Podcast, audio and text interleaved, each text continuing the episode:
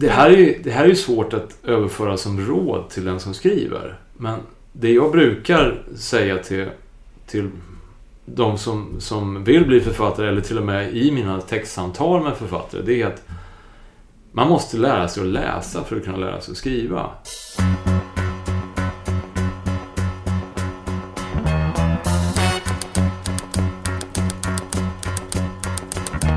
Det är jag som är Nina De.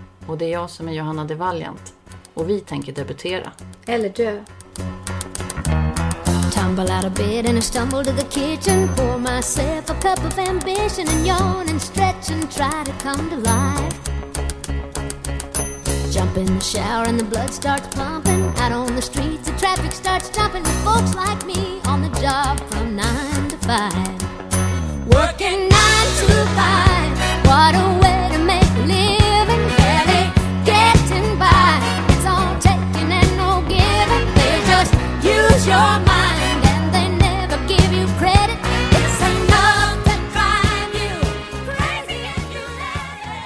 Ja, men tillbaks i eh, den nya studion.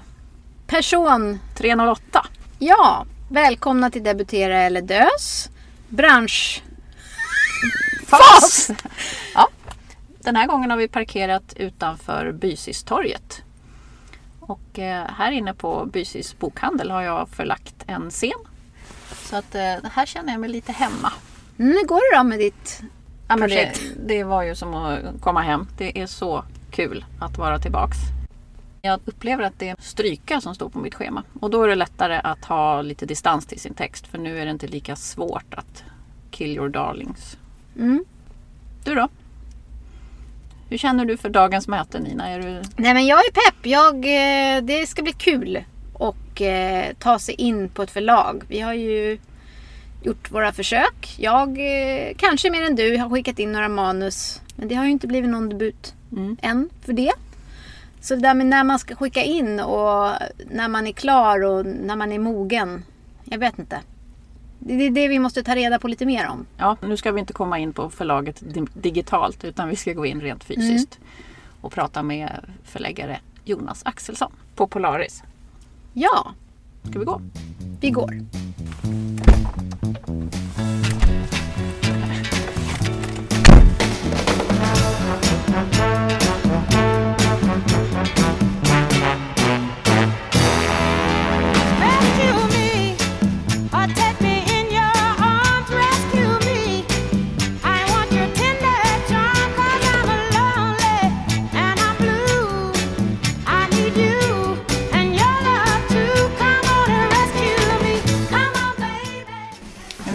I ett jättespännande bibliotek.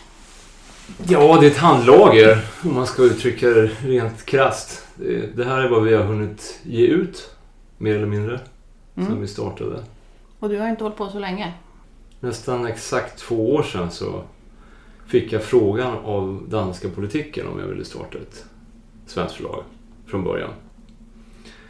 Ehm, och det var egentligen en dialog som vi hade inlett om, om andra saker som föranledde att jag hade hört att de var intresserade av att ta sig in i Sverige. Och det är ju ganska ovanligt för danskar att vilja det. Det har ju bara skett en gång egentligen och det var ju Egmont som egentligen är Ja, det är ju större än Danmark men det har ju på något sätt sitt huvudcentrum i Skandinavien i Danmark. Jag trodde du skulle säga Valdemar Atterdag. Men du, Nej, nej så, så, så gammal är inte branschen. Eh, utan eh, vi är ju inte mer än 200 år eller något sånt där. Och det är klart att Bonniers är ju från början kan man säga en dansk bokhandel. Om man ska eh, hitta andra paralleller. Som sen utvecklade sig till först en bokhandlarföreteelse även i Stockholm och sen så blev det Albert Bonniers förlag. Eh, så, så jag tyckte det var väldigt speciellt att få den här frågan av, av, av danskarna.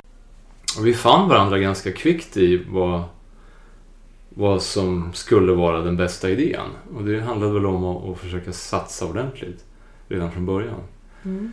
Vilket innebär egentligen att både visa upp en ganska stor bredd eh, i utgivningen eh, och sen vara blixtsnabb eh, och eh, inte vara rädd för att vara ganska kommersiell i sitt tänk utan att tappa någon typ av kvalitetskänsla. Ehm, och det där eh, kommer liksom inte ur mig av en tillfällighet utan det är ganska mycket så jag själv har blivit skolad som förlagsman. Eh, först så, så, jag läste juridik och behövde något bredvidjobb. För, och jag hade alltid suktat efter eh, förlagsbranschen, kändes det som. Det är inte riktigt sant men när jag började läsa skönlitteratur så blev jag ganska upptagen av just den delen av, av branschen, utgivaren. Hur går det till? Och, ehm, så såg jag en möjlighet när jag hittade helt enkelt en, en liten lapp på, på Frescati där jag läste andra året på juristlinjen. Det var för övrigt en utbildning som jag inte trodde på.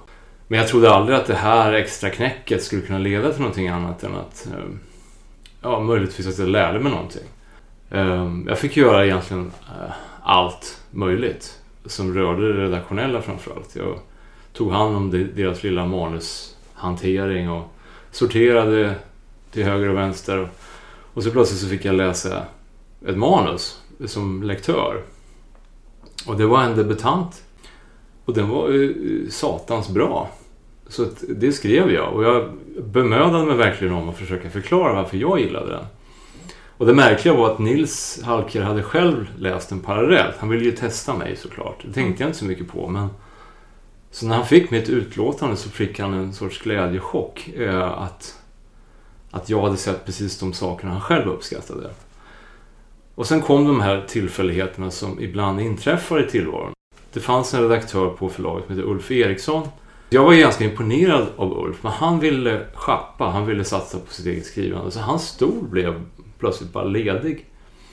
Och de satte igång en process för att hitta en kandidat och då hade jag lämnat in det här lektörsutlåtandet och så plötsligt frågar Nils om jag var intresserad av det där jobbet. Och i det laget så är jag 24. Jag hade knappt gjort, tror jag, ett år på, på det här stället. Sen händer det saker med, eh, ganska snabbt då, att jag, jag inser att det här är på fallrepet. Det går jätteilla. Man hade köpt till exempel över hela Stephen Kings backlist från bra böcker. Och man har betalat enorma summor för att relansera Stephen King. Och det gick åt skogen. Det såldes inte mycket böcker överhuvudtaget. Och det, var, det blev som ett nackskott för förlaget. Och då drabbades jag av LAS eh, och några andra. Så att plötsligt så hamnade jag ute i en frilanstillvaro. I samband med det här så hade jag blivit pappa Eh, för första gången. Och eh, vi hade hoppat in i en dyr hyresrätt i Hornstull. Och jag insåg att det här kommer inte hålla. Eh, jag måste ha ett fast jobb. Och så dök tillfälligheten upp igen. Sveriges äldsta bokklubb som heter Svalan, den finns ju fortfarande. Fast den lever en helt annan tillvaro än den gjorde då.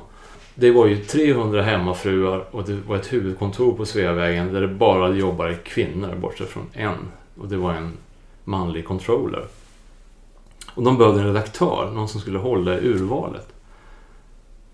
Och, och jag fick jobbet och jag hade ju inte läst den här typen av litteratur förut. Utan jag var ju tvungen att, att sätta mig in i, i underhållningsutgivningen. Och det, det är nog egentligen min nyckel till varför jag sitter där jag sitter idag. För att, och det, det förstod jag ju inte riktigt då. Men jag upptäckte att den genren redan då var så eh, olikartad eh, så det gick inte att bunta ihop den. Det fanns vissa författare som var fantastiska eh, berättare. Sen kanske de uppehöll sig vid saker som inte, jag brydde mig så mycket om. Men jag kunde ju se vilken berättarauktoritet de hade och vilken självklarhet de hade när de, de skapade sina personer och, och sin, sin handlingstråd och så vidare. Och så fanns det de som var upphöjda rent kommersiellt men knappt kunde skriva. Och jag fick göra då bedömningar nästan på en gång att här överger man inte en, en krattig storsäljare, nu fortsätter man. Och, men däremot kan man lansera någon ny och man kan motivera det på rätt sätt. Då. Jag fick välja ihop med, med en VD där, böckerna och skrev texter om det hela. Och fick presentera böckerna då för det här stora kopplet med, med hemmafruar, som man, jag gärna kallar dem för. Men de levde ju delvis på det här. Vissa gjorde det på heltid, till och med mer än heltid. De var fantastiskt duktiga på att, att sälja dessa böcker. De hade krympt till 150 när jag var där. Men det var då vid några tillfällen per år som man träffade allihopa och skulle presentera utgivningen. Och det är oförglömliga tillfällen därför att de, jag var ju en katt bland hermelinerna. Jag skulle då förklara för dem varför det här var lämpligt. Och de var ju inte sena med att svara mig om, om jag hade rätt eller fel eller om de gillade det eller inte och sådär.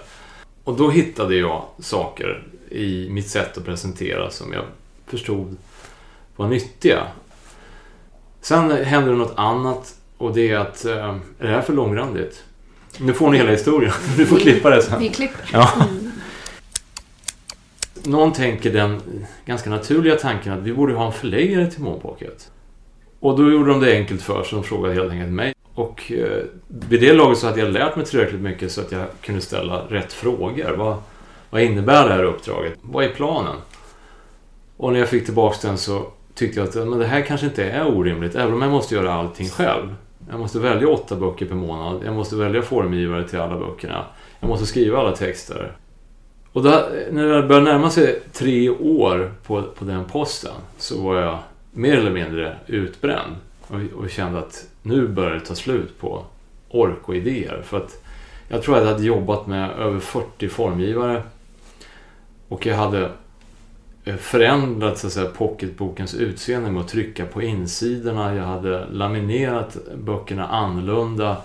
Jag hade hittat på en massa saker. Hur många år hade gått då sedan du såg den här lappen på Frescati? Ja, det måste bli... eh, Ja, tio. Ehm, och Bone Pocket har tripplat sin omsättning. Böckerna fick liksom ett andra liv. Du har ju frälst mig. Jag är en av dem som gick helt över till pocket och har aldrig gått tillbaka till bunden bok. Men det kan ju bero på att, att du kanske också gillade Pocket Shop som var en del av äktenskapet. För att vi, vi tänkte precis på samma sätt. att det När Mattias gjorde en, en undersökning väldigt tidigt att 80% av alla köp i butikerna som de hade upprättat då var impuls. Och eh, folk ville ha någonting att läsa men man visste inte vad. Och visade man inte framsidan och gjorde man inte det på rätt sätt så fanns det inte en chans att man så att säga, vann impulsen hos dem. Så vi jobbade ju mycket i den riktningen att, att böckerna skulle få folk att haja till och bli intresserade. I kombination med priset, i Ja. kombination med vikten. Ja, Och i och med att det är billigt och lätt så hade man inte heller stor, samma respekt för boken. Det var ju då man började knöla ner den i väskan och man hade den på stranden och man har kaffefläckar i den. exakt. Och det är så jag gillar att läsa. Ja, alltså det, det var ju väldigt tydligt. Även om vi, vi pimpade böckerna ganska väl så, så tror jag vi lyckades tack vare det låga priset. För det var jätteviktigt att hålla nere det. Att folk skulle känna att slit och släng eller behandla den som du vill. Köper du fem, du har inget dåligt samvete. Eh, om du inte hinner läsa mer än två. Allt det här hängde med. Eh, utan det så, så hade vi haft ett bekymmer såklart.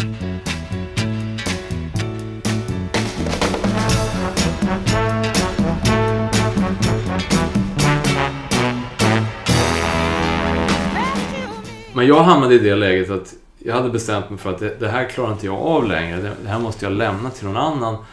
Men då hade på något sätt syret börjat ta slut. Så då skickade jag ut en signal till ägarna att jag vill jobba med originalböcker. Jag vill, och framförallt jag vill in i något team. Och, och så fick jag två erbjudanden som jag fick överväga väldigt snabbt. Och det var inte så svårt. Det ena kom från, från Albert Bonniers. Men jag klev in där i alla fall och ganska snart så, så tyckte en person som Susanna Romanus att nu blev det en person för mycket här. Så att hon försvann. Och jag hamnade väldigt tätt ihop med Carl Otto Bonnier som hade ansvar för översatt skönlitteratur på, på Albert Bonniers. Och han tyckte att omedelbart så skulle jag ta det ansvaret. Och sen kan man väl säga att, för sen kan man korta historien. Ehm, jag blev kvar där och då återigen så hade jag någon sorts fru Fortuna så att jag råkade på några författarskap. Ett av dem var den här losen som hette Dan Brown. För det var så han var beskriven för mig. Det var den brittiska förläggaren som tipsade mig.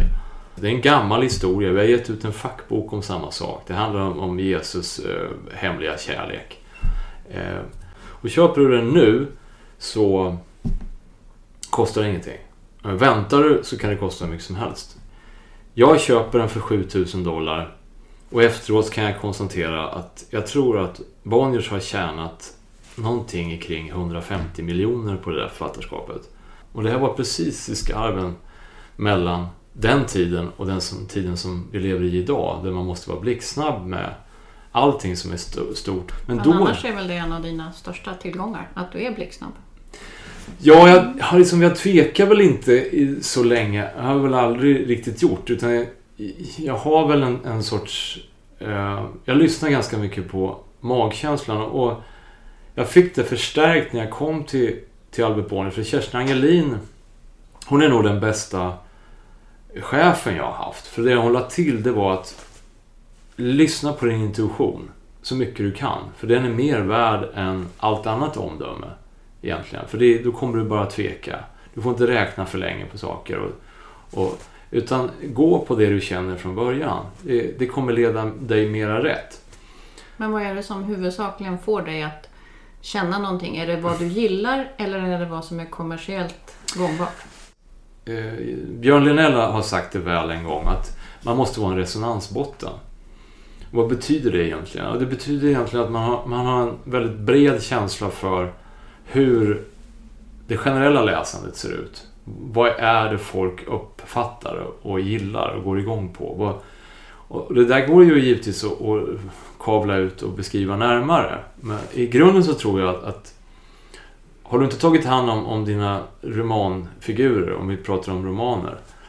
Har du inte fått dem levande på pappret, har de inte de tagit rätt plats i, i berättelsen, det, rent generellt, då har du inte kommit speciellt långt. Sen finns det gott om undantag. Alltså Dan Brown som jag nämner, han kan ju knappt skriva. Hans pappfigurer är ointressanta egentligen. Det är ju, det är ju bara en gåta som ska lösas hela tiden. Så det, det går bort när det gäller det generella. Det finns ju fenomen på, på de som inte har, klarar av det här. Om man, om man tar E.L. James med 50 Shades. Det är, det är ju ganska bedrövligt rakt igenom. Men det är effektivt någonstans. Det är någonting som, som gör att man, man plöjer fram i texten.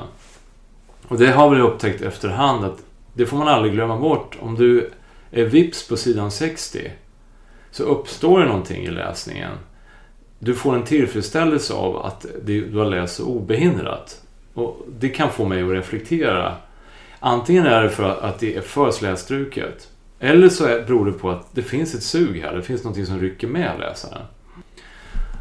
Det här, är, ju- det här är ju svårt att överföra som råd till den som skriver. Men det jag brukar säga till, till de som, som vill bli författare, eller till och med i mina textsamtal med författare, det är att man måste lära sig att läsa för att kunna lära sig att skriva.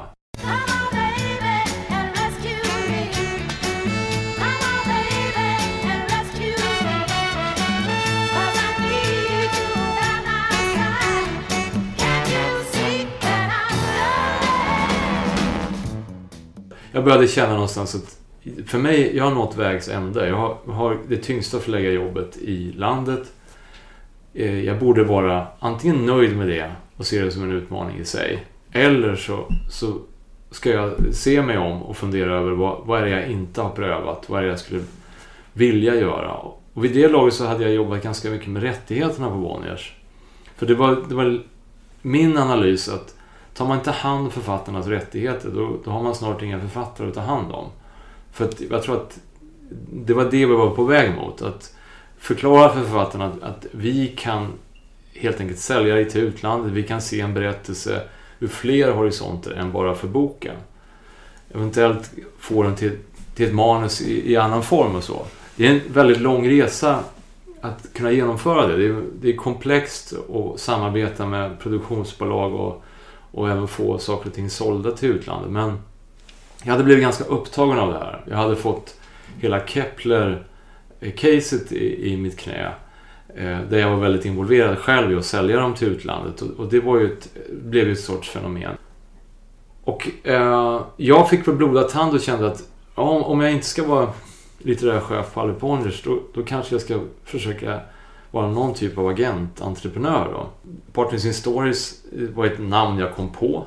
Vi jobbade med svenska författare på, på den här agenturen. Jag tyckte att jag kom närmare film och tv-branschen, vilket jag gjorde på många sätt. Jag började förstå hur komplicerat det är att jobba med med den typen av produktioner ur författarsynvinkeln. För de, de kanske mest intressanta sakerna vi gjorde på agenturen det var att vi samproducerade två pjäser som byggde då på Eh, romaner. Och den första var en man som heter Ove. Eh, och Fredrik Backman är för övrigt en av de svåraste författarna jag har jobbat med. Det var så svårt att jag var tvungen att avsluta det. Vi behövde inte hålla i den här produktionen alls utan vi kunde bara se till att vi hade ett bra avtal och att de följde texterna och intentionen som, som, som fanns i romanen. Ett mycket mer komplicerat projekt var ju egenmäktigt förfarande. Eh, och de erfarenheterna var ju inte bara otroligt nyttiga för mig för att det blir ett annat sätt att förhålla sig till text. När man måste sätta sig in i alla de här dimensionerna. Vad, vad, vad är det som får en text att fungera oavsett sammanhang? Eh, och där tycker jag Lena har sagt eh, till mig vid ett tillfälle att hon slogs av, efter att ha skrivit några böcker, att hon behövde analysera egentligen varför en text blir dålig och varför den blir bra. Så hon satte sig rent analytiskt och läste andras texter och försökte ringa in vad är det som gör att det här löper som det ska och varför går det här kryckigt. Och det är väl ungefär det jag själv har försökt syssla med fast på ett annat vis då. Att Vad har ni kommit fram till? Då? Det, det är det som inte riktigt går att sätta fingret på. Det, det är jag ju glad för, för att det, det är inte kirurgi vi sysslar med. Eh, det går inte att komma ifrån att det är en relation som eh, ska uppstå mm, till författaren. Mm. Eh, Så att vi tittar ju mycket efter avsikter samtidigt som vi läser det som står där. Det gäller att hitta den, för det, i den bor ofta tilltalet. Ehm, och det här det är ju abstrakt. Det, det ska nog vara abstrakt. För det, det, all, all text som produceras är ju originell även om den kanske liknar någonting annat. Och, och det kan vara banalt och så vidare. Men, men den är... Eh, den utgår ifrån någon, någon ny person. Eller en person som skriver en ny text. Och, och då uppstår alltid en ny avsikt. Och, och texter utan avsikt har ofta då inget tilltal. Och då blir jag ointresserad.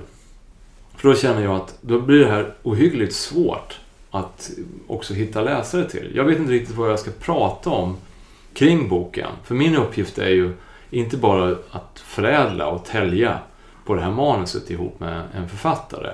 Utan det är ju väldigt mycket att hur för man det vidare? Vi, vad vi skapar kring böckerna, det är nästan det som är avgörande. Och det är en problematik som man måste ägna sig åt. Och det- jag kan konstatera det är att, att böckerna behöver inte bara en paketering. De, de behöver en timing, en placering, ett, ett eget så att säga, tilltal vid sidan om. Varför ska det här läsas framför annat? Varför är inte det här utbytbart? Så att säga. Det finns ju mycket litteratur som kommer ut. Vi har en gigantisk övertidning. Vi letar författarskap, inte böcker. Och det är ju därför jag pratar om tilltal och avsikter. För att när det skiner igenom att det här är ingen tillfällig eh, text bara, eller den, kanske den enda texten författaren måste skriva och har skrivit, utan det här är början på någonting. Och, och början behöver ju inte alltid vara så glimrande, men det, känner du av avsikten, och, och den kan ju gömma sig i, i hur man hanterar språket eh, på många sätt. Men, men i grund och botten så, så, så kommer du inte undan att vad handlar det här om egentligen? Vad, är- vad är det författaren vill eh, med det hela? Du nämnde att Backman var för svår. Träffar du författarna innan du antar boken? Oh ja, Mm. det är jätteviktigt. Det har ju blivit på många sätt viktigare och viktigare. Och framförallt när du driver ett sånt här förlag. Samarbetet är så... Ja, dels är det sårbart. Så det handlar om att bygga det här förtroendet. Förtroende är någonting jag borde ha sagt från början. En, sån här annan aspekt som jag upptäckte tidigt. att Har du inget förtroende hos de som är i den här branschen. Det handlar ju om, om de som säljer böckerna. Eller det handlar om författarna eller vad det nu är. Eller till och med internt hos dina kollegor. Finns det inget sånt här genuint eh, genomgripande förtroende, då har du problem. Men hur får du ihop det här då? För du pratar om blixtsnabbt och du pratar om förtroende. Jag tror inte att man måste alltid så att säga, eh, inbilla sig att tillit och och förtroende är någonting som behöver lång tid på sig egentligen. Det är magkänslan igen. Det är magkänslan i, i, i mångt och mycket fortfarande. du kan upprätta det här om du har läst texten innan, vilket nästan är alltid är fallet. Vi, vi har ju som princip, det har jag alltid haft, att när författare hör av sig och vill ses, så ja, vi, det finns inte en chans förrän vi har läst. Eh, faktiskt. Det, Men det händer att folk vill ses Ja, oh ja. innan och Absolut. fika. Ja. Ja. ja men det, jag tror att det, det... Man fikar ju givetvis efter att hitta det där förtroendet för, för sin person då. Men, men det är, då har man ju någonstans hoppat över eh, det, Ver- verket. verket. Och det är ju det är verket som är, förbindelselänken. Det är ju utifrån det man bygger någonting.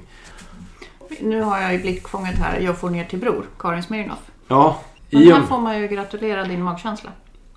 ja det, det, men det, där, den hänvisar jag inte så mycket till magkänslan. För att det behövdes inte så mycket magkänsla tyckte jag.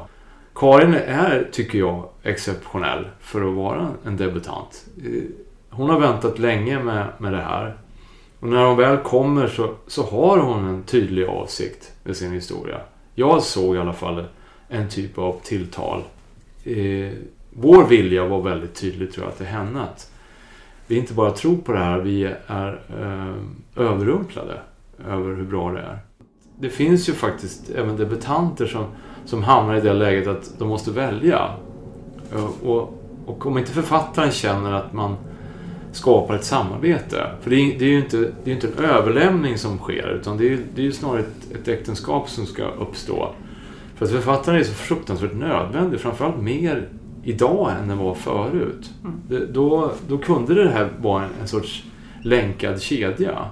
Och, och, och författaren kunde nästan sitta kvar hemma och fortsätta skriva och hålla på med sitt. Och, och boken levde och författaren, eller förlaget tog hand om den tillsammans med bokhandel och andra. Men det, det ser inte ut så idag. Utan författaren är bärare, författaren möter läsarna i nästan större utsträckning än vad vi på förlaget gör. Och, och, och det måste man hitta ett sätt att implementera i författaren väldigt snabbt. Om de inte har tänkt på det. Vad, vad är det som krävs? Och, och vad är det för villkor kring det här egentligen? Du kan liksom inte förvänta dig att du åker limo till de här ställena.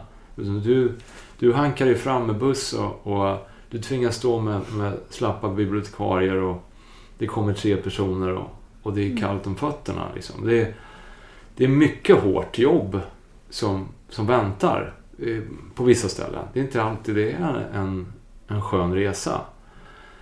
Det, det, finns ju, det finns ju både enskilda verk och, och författare som man inser efterhand att varför tyckte vi att det här vägde över då? Eh, Så hade vi inte resonerat idag egentligen.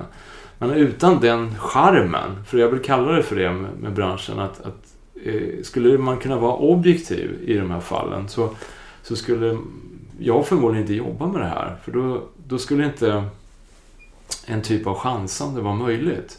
För det är ju chansningar som man ändå sysslar med.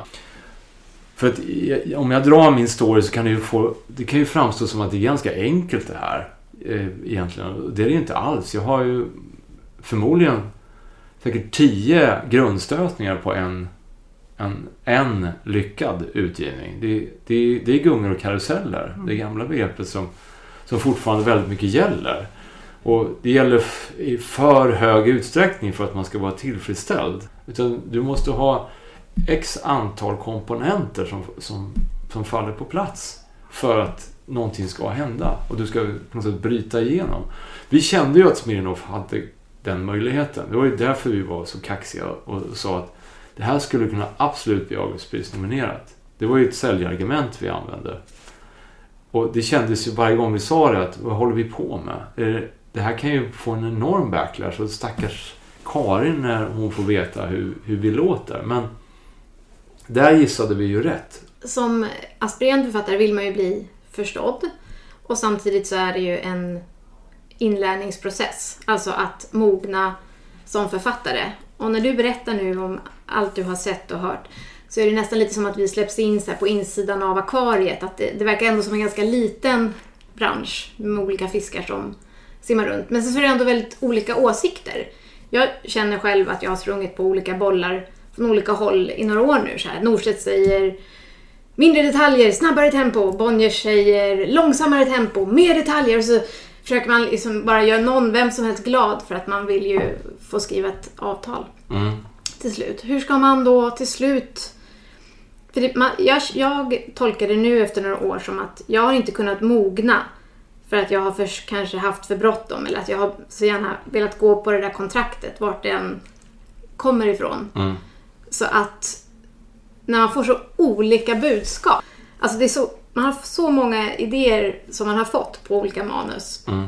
Hur man till slut ska, om man nu ska slipa sin diamant, hur man ska göra för att du ska sjunga.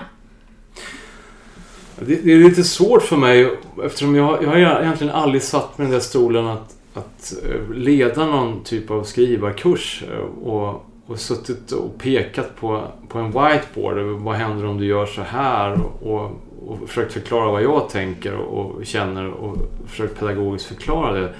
Så att jag, jag har inte försatt mig där annat än att jag har under Bonnier-tiden skrev jag väldigt mycket refuseringsbrev eh, överlag.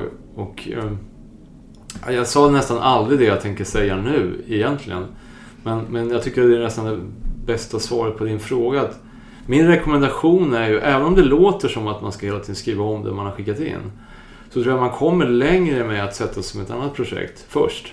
Alltså att, att skriva i sig eh, är det viktigaste. Men, men att slipa diamanten, det är egentligen för mig Eh, ett begrepp som dyker upp när författarskapet har fått eh, en tydlighet, när man har kommit längre. I, början så handlar det mer om att hitta den där egna rösten. Eh, det där som har med den så kallade avsikten att- göra. Och jag tror att det, det, det gör man genom att, att öva sig på att, att skriva andra saker innan man går tillbaka och säga allting behöver alltid ligga, ligga till sig. Sen tror jag ju på det jag nämnde tidigare att man ska aldrig underskatta vad läsning gör för, för, för eget skrivande. Att plocka upp saker som är klassiker framför allt och, och sen försöka studera dem efter eget huvud. Vad, vad är det jag, varför går jag igång på det här? Vad, vad är det som gör att, att det här löper och träffar rätt? Alltså, det tror jag är det bästa sättet att, att sen möta de där subjektiva kommentarerna som kommer från, från olika håll. För my, mycket, det måste man ju ta med i beräkning, mycket sägs ju utan att det har ett jättebra underlag egentligen. Det kan vara ett lektörsutlåtande som gör att någon svarar på det sätt de, de gör. Och, och det kan vara lite för mycket standardiseringar och, och favorituttryck. Och, och, så man måste ta alla de där kommentarerna med en stor nypa salt. Mm, det betyder inte att, att den bokstavligen ska, det som faktiskt skrivs ska vara hjälpen. Hjälpen är egentligen att, att kunna tackla refusen. Att kunna se eh, bara att den inte riktigt har slagit an, men, men inte fästa sig så mycket vid varför formuleringarna ser ut som exakt de gör. Förlagspersoner är ju i grunden ganska anständiga människor som man vill vara så vänlig det går eh, i de här lägena. Men, men det gör också att, att det blir rätt mycket luft. Jag tror i grund och botten att, att eh, om man sätter sig ner och skriver om allting totalt, fullständigt. Jag har sett flera exempel på, på personer som har i princip deletat filen och, och sen bara börjat om. Men de har försökt skriva samma historia, men har gjort det på, på, från, från en ny utgångspunkt egentligen, i, i det läge de har, befinner sig då. Och då blir det ofta någonting annat. Och då kan det där, den där avsikten och tilltalet bli, bli mycket synligare. Så man behöver inte överge eh, den där historien som man absolut vill berätta. Det, det är bara att jag tror man behöver backa och, och ibland skriva annat. Låta den här distansen till vad man har åstadkommit uppstå. Vad, vad tycker du om ett år? Att man väntar ett helt år. Mm. Alltså tiden är, är, är i sig... Jag, jag, jag tror på att, att tidsrymden ska vara rejäl. Om, om det är fyra veckor eller ett år, det, är, det beror helt enkelt på vad, var man befinner sig själv, vad det är för typ av text man har skrivit och så vidare. Men, men jag har sett väldigt få som bara på, på en, en vecka ser något helt annat komma ut ur, ur en slipad text, en omskriven text. Det, det, det, det känner jag inte till överhuvudtaget.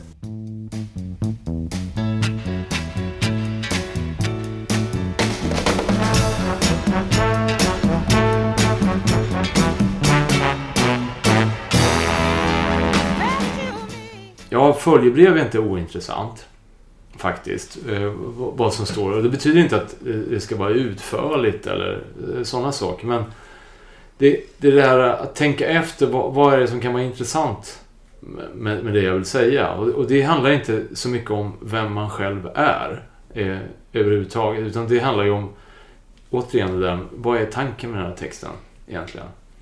Eh, kan man hitta ett eget sätt att presentera det på som, som är lite överraskande så väcker ju det ett intresse i sig. Det som är baksidan på Karin Smirnoffs eh, bok är till en del hennes eget följebrev till oss. Och det kan ju ge en hint om hur, hur, hur man kan få, få ett förlag att haja till. Är det ett tips annars? Att försöka göra en baksidestext?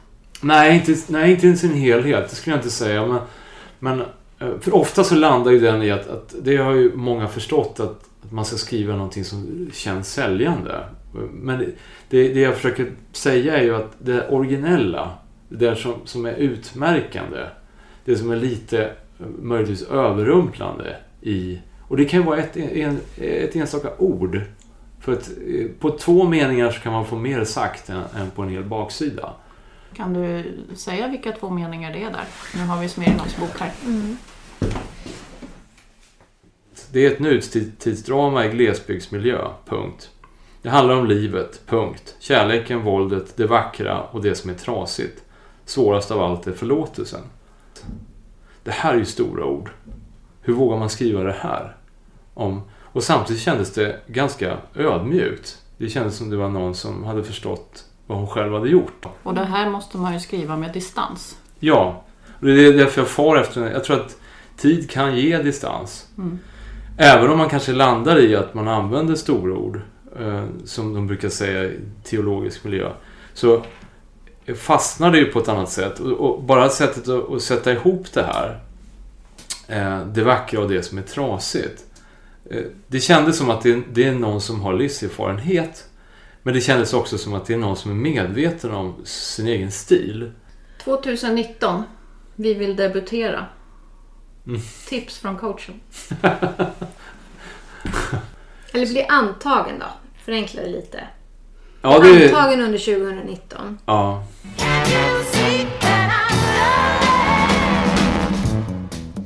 Vi kokar ihop det här nu. ja. Vad är rådet? Jag har... Vad är rådet? Till alla som skriver, som lyssnar på den här podden. Ja, Som eh, dag efter dag går upp och bestämmer sig för att fortsätta sträva mot drömmen fast det kostar och tar. Och ja. Det kan vara en livslång, ett livslångt avvisande Mm, för många. mm. Det, det är alltid svårt att, svara bara för, för egen räkning. Det är lättare att prata om att... uh, jag känner ju väldigt många i branschen såklart genom, genom åren. Och jag vet ju att vi fungerar väldigt olika. Jag har jobbat med, med en, en skrälldus av olika förläggare. Och det är ju väldigt skönt att vi, vi agerar olika och tycker olika och går igång på olika saker. Det, det, det är ju det, är det som är räddningen för, för någon som, som skriver och vill debutera. Och då tycker jag man ska tänka på att det, det är inte dumt att försöka följa med i vad förlagen håller på med och, och vilka förläggarna är, vad de har för så att säga, bakgrund. Och det gäller att, att förstå var någonstans de här människorna kommer ifrån och vad de har för typ av uppdrag idag. I grunden så kommer jag ju tillbaka till det här. Ska man tilltala förlag, gärna tilltala så många som möjligt. Men, men var noga med hur man presenterar sig själv. Och ju kortare och mer originell man är när man sammanfattar vad, vad man har gjort, desto större chans har man att man blir läst av fler. Vill man bli författare så måste man också förstå att det här är en utsträckt sak. Det är, handlar inte om det första manuset. Det är väldigt många som, som kan öppna en låda och säga jag skrev de här fyra faktiskt innan det där som blev min debut. Och det finns en förklaring till det egentligen. Och det beror inte bara på att det har blivit kanske bättre. Utan det, det handlar om timing, det handlar om att hitta en person som vaknar och, och sen att man hamnar i rätt händer eh, egentligen. Och, och att det någonstans får en, en, en typ av vingar. det, det är så komplext idag jämfört med hur, hur det såg ut förr. För då kunde man sätta etiketten författare efter två böcker enligt Författarförbundets premiss. Och det var ingen tvekan. Det kan du inte riktigt säga längre ö, överlag. Utan snart kommer vi liksom bedöma det här utifrån om, om, om vi kan garantera att det är någon som kommer fortsätta med det. Och, och Eh, det håller på att glider ihop mer och mer med annat berättande. Så ser det ut idag att, att skriva en, en text som fungerar för en, en kortare ljudbok. Det kan vara eh, mer relevant än att försöka bli utgiven rent fysiskt på ett vanligt förlag. För att jag är övertygad om fem år så har vi sett debuter på, på andra områden eh, än det vi ser idag. Att skriva så att säga, manus för en... Eh, säg att du skriver en storyline till, till en tänkt långfilm. Det kan vara så läroaktigt för... Eller läraktigt... Nu tappar jag trött. Ja, det är så lärorikt, tack. Eh, för en själv. Så att det är mycket lättare att eh, skriva en romantext efter det. För I grunden så vill jag ju gärna uppmana att pröva att Eh, helt enkelt doppa pennan i, i, i många format.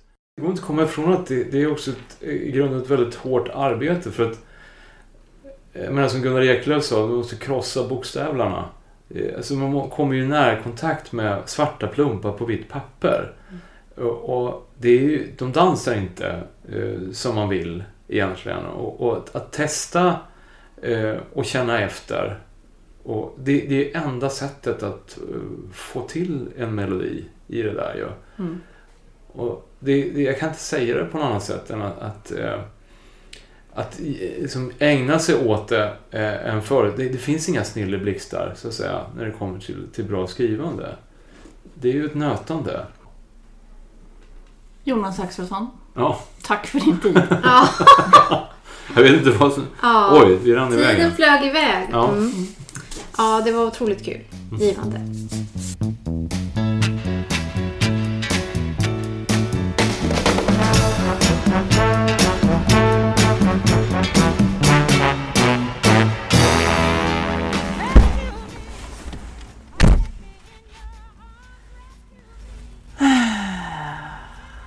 Hopp. Ja, Jag har en vision om vad jag ska göra. Och tre kvart senare så har jag förstått att jag är så himla fel ute. Att eh, sudda är uppenbarligen inte min uppgift utan att börja om. Börja om därifrån jag är idag. Tips från coachen. Ja, branschkunskap är i alla fall ett tips att ta till sig. Skicka inte bara rätt ut i universum. det är väl jättemånga som inte vill få sina inboxar personligt. Det har jag hört många som sagt att de inte vill ha att man ska tro att bara jag, mitt manus, att jag skickar direkt till dig för jag är ju mycket för mer värd än manushögen. Och hur fasen ska man snoka rätt på allt? Hur ska jag veta allt? Vi vet inte allt, det är det vi vet. Blir inte allt det här bara mer och mer komplext? Men det, jag vet inte, på något, det finns något där i det som är en kärna ändå. Pudens kärna att skriva. Man kan inte göra det för att man vill debutera, för att man vill ha en färdig bok. Det var det som Tove sa till oss Doktor i Tove. avsnitt, Dr. Tove i avsnitt 11. För att det kanske aldrig blir ändå. Och Sara Lövestam. När hon slutade skriva för att få boken utgiven så blev det en bok utgiven.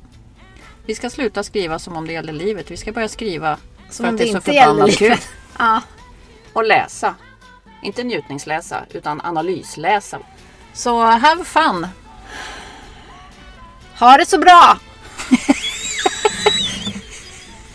För oss som behöver lära oss att skriva. Häng med nästa gång. Då så träffar vi eh, John Ajvide Lindqvist. Ja, och han har ju faktiskt skrivit massor med olika, i massor med olika format. Bland annat eh, filmmanus. Hans film Gräns är ju Oscars-nominerad. Vi kanske lär oss något där. Han är helt rätt ute. Vi kommer främst prata om hans bok Misslyckas igen, misslyckas bättre. Häng med då! Tjing! Baby, baby, baby.